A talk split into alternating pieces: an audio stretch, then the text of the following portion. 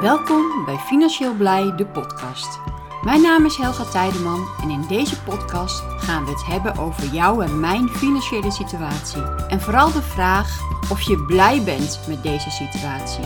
Kan of wil je dit veranderen? Om hierachter te komen, luister dan naar deze podcast. Heel veel luisterplezier. Welkom bij een nieuwe podcast van Financieel Blij. We zitten nog aan het begin van het jaar en dit is nog een hele mooie tijd om ons bezig te houden met ons budgetplan. Het is de tweede week van januari en mijn vraag is: heb jij je budgetplan al klaar voor 2023? En één zal zeggen: ja hoor, zeker heb ik die klaar. Die had ik in uh, eind 2022 al uh, voorbereid en uh, hij is helemaal klaar en ik werk volgens dat budgetplan. En de ander die zou zeggen: Nou, ik heb het denk ik wel in mijn hoofd. Ik weet wel ongeveer hoeveel erin en eruit gaat. Ik hoef niet zo'n budgetplan op papier te maken.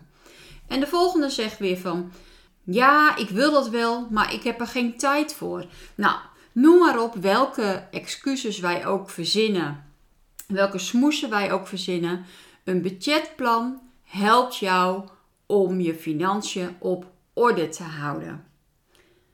Nou, wat is nou het nut van zo'n budgetplan? Nou, een budgetplan geeft aan hoeveel uh, geld je beschikbaar hebt in, uh, in de komende periode. En ja, laat ik daarvoor het jaar 2023 aanhouden. Dat kan zijn voor um, ja, bepaalde doeleinden, maar in dit geval uh, gaan we vanuit dat we een budgetplan gaan maken voor je eigen huishouden een budgetplan geeft aan wat de toegestaande kosten van bijvoorbeeld ehm, ehm, je boodschappen, je kleding, uh, noem maar op, mogen zijn nadat al jouw vaste lasten van jouw inkomsten zijn afgehaald. En uiteindelijk wil je natuurlijk ook weten uh, hoeveel geld is er over om te sparen. Maar daar spreek ik me eigenlijk tegen, want ik ben geen voorstander van sparen met geld wat je over hebt. Ik ben er voorstander van om te beginnen met sparen. Als je je spaargeld of je investeringsgeld opzij hebt gelegd, van dat geld moet je rondkomen. Nou, daar zal je dus wel een budget voor nodig uh, hebben. En hoe ga je nou zo'n budget opstellen voor je eigen huishouden?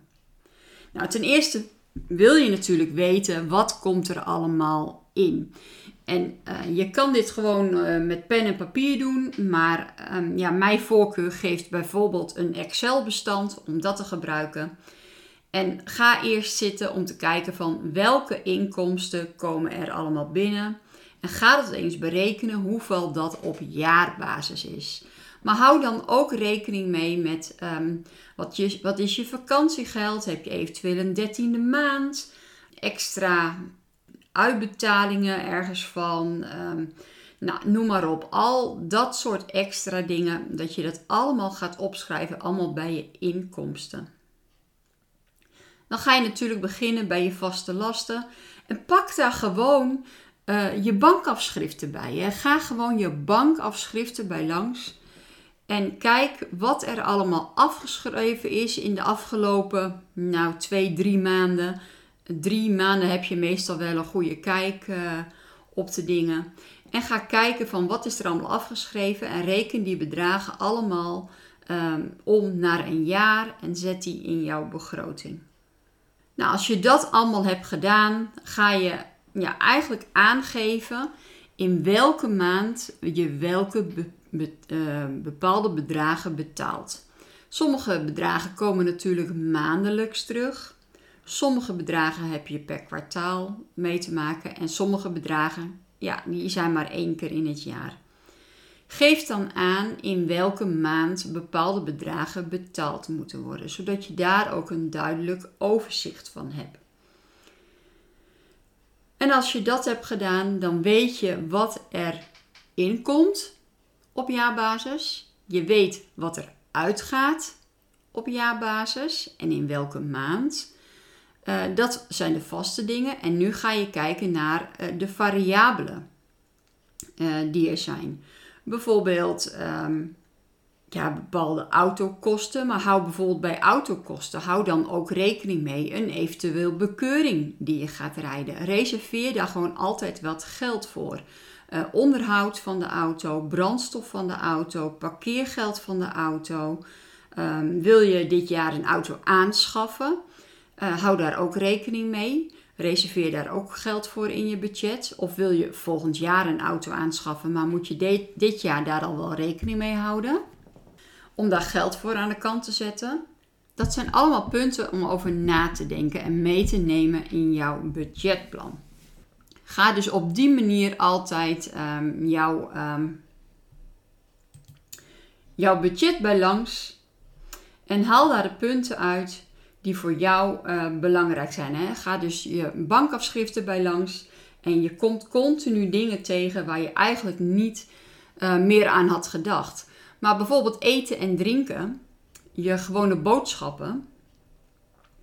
En je hebt bijvoorbeeld uh, het eten en drinken, wat je bijvoorbeeld bij een snel, bij, langs een snelweg koopt, bij een tankstation of dat je een keer ergens een lunch hebt gedaan. Of je haalt een uh, koffie to go. Ehm, dat soort dingen zou ik ook apart benoemen. Vanuit je, niet bij je boodschappen in te noemen, maar apart. Omdat het je een beter beeld geeft wat je nou werkelijk aan boodschappen kwijt bent. En wat je werkelijk kwijt bent aan al die extra dingetjes die je eigenlijk doet voor je eigen luxe. Als je al die punten bij langs bent geweest, hè, dus je inkomsten heb je op een rijtje, je vaste uitgaven heb je op een rijtje, je variabele uitgaven heb je op een rijtje, dan pak je het volgende kopje aan en dat is hoeveel spaar je, hoeveel ga je investeren in ehm, misschien wel crypto of beleggingen of uh, goud of uh, nou, noem maar op. Dus hoeveel um, sparen, hoeveel uh, investeren. Dus hoeveel sparen en hoeveel investeren wordt dus ook een apart punt in jouw begroting. Je kan dus zo precies zien, naar aanleiding van je budget, hoeveel het mogelijk is om eventueel te sparen en te investeren. Dit bedrag, uh, wat jij dan in je begroting zet, wat een jaarbedrag zou zijn, uh, is dus voor jou heel makkelijk om te rekenen naar een maandbedrag. En je weet dus precies welk bedrag je iedere maand opzij moet zetten voor uh, sparen en investeren. Nou heb ik nog wel een aantal tips uh, verder om um, je budgetplan te maken. Um, hè, de eerste tip is van als je een budgetplan maakt, dan creëer je gewoon overzicht.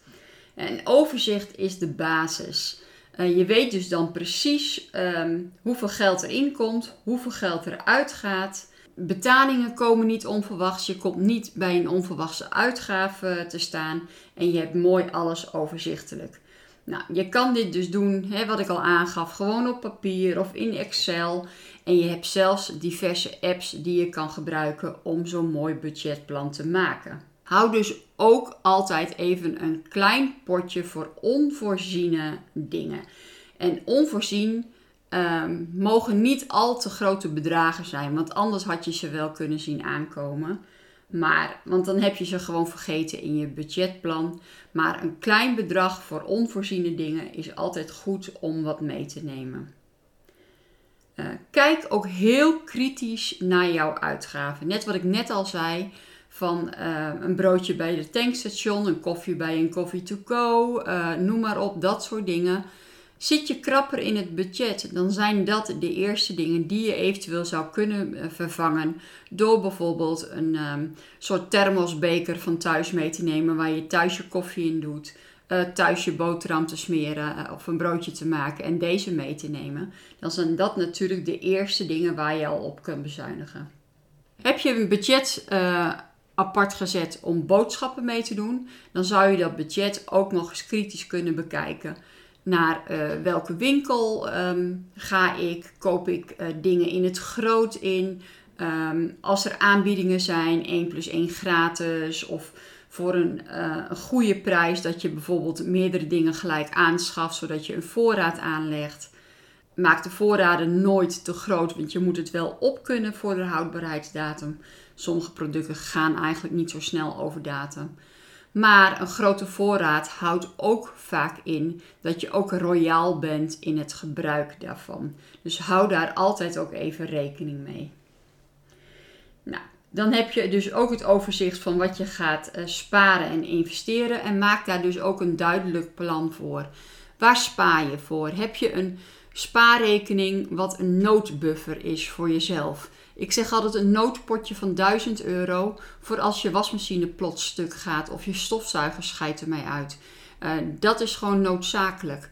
Maar het potje wat daarna komt, uh, is het voor jezelf een noodpotje om bijvoorbeeld drie tot zes maanden te overbruggen als je iets overkomt. Of als je je inkomsten kwijt zou uh, kunnen raken. Of wat dan ook. Heb je een ander spaardoel? Wil je een, uh, een grote reis gaan maken? Wil je een camper gaan aanschaffen? Uh, noem maar op. Uh, heb voor jezelf dat ook in kaart en heb dat ook duidelijk waarom jou, waar, waarvoor je spaart. Doelloos sparen heeft niet zo heel veel zin, want daar vind je het niet zo heel fijn om daar bijvoorbeeld geld naartoe te doen. Maar heb je echt een doel om te sparen en je ziet dat doel steeds dichterbij komen omdat je spaargeld groeit, dan uh, spaar je zelfs met plezier. En dan tot slot is het natuurlijk um, noodzakelijk dat je dit budget bij gaat houden. Iedere maand werk je je budget bij. Iedere maand kijk je wat heb ik uitgegeven in de afgelopen maand maakt allemaal alles in orde. Je kijkt je bankafschriften na, je pinbetalingen, alles kijk je na. Telt alles bij elkaar op. En je ziet dus of je binnen je budget bent gebleven, ja of nee. Ook doe je dan altijd een vooruitblik naar de volgende maand. Om te kijken welke betalingen staan mij deze maand te wachten. Zodat je ook daar rekening mee kunt houden. En dat je al een beetje een overzicht hebt hoe deze maand zou kunnen gaan verlopen. Nou, ik hoop dat ik jullie voldoende tips heb gegeven om te starten met zo'n uh, budgetplan. Dat je denkt van uh, yes, ik ga het, ga het aanpakken, ik krijg er weer zin in en ik wil mijn uh, financiële zaakjes op orde hebben. Heel veel succes ermee en tot een volgende podcast. Bedankt voor het luisteren naar deze podcast. Laat even weten wat je van deze podcast vond door een reactie achter te laten. Dit kan onder andere op Instagram en je kan ons daar vinden onder financieel-blij. Waardeer je deze podcast, laat dan een positieve review achter. Wil je op de hoogte blijven van de activiteiten van Financieel Blij? Schrijf je dan in op onze nieuwsbrief. financieelblij.com nieuwsbrief. Volg ons ook op ons YouTube kanaal Financieel Blij dan laat ik iedere maandagochtend en donderdagavond zien hoe je geld kan verdienen met crypto. Bedankt voor het luisteren en tot de volgende podcast.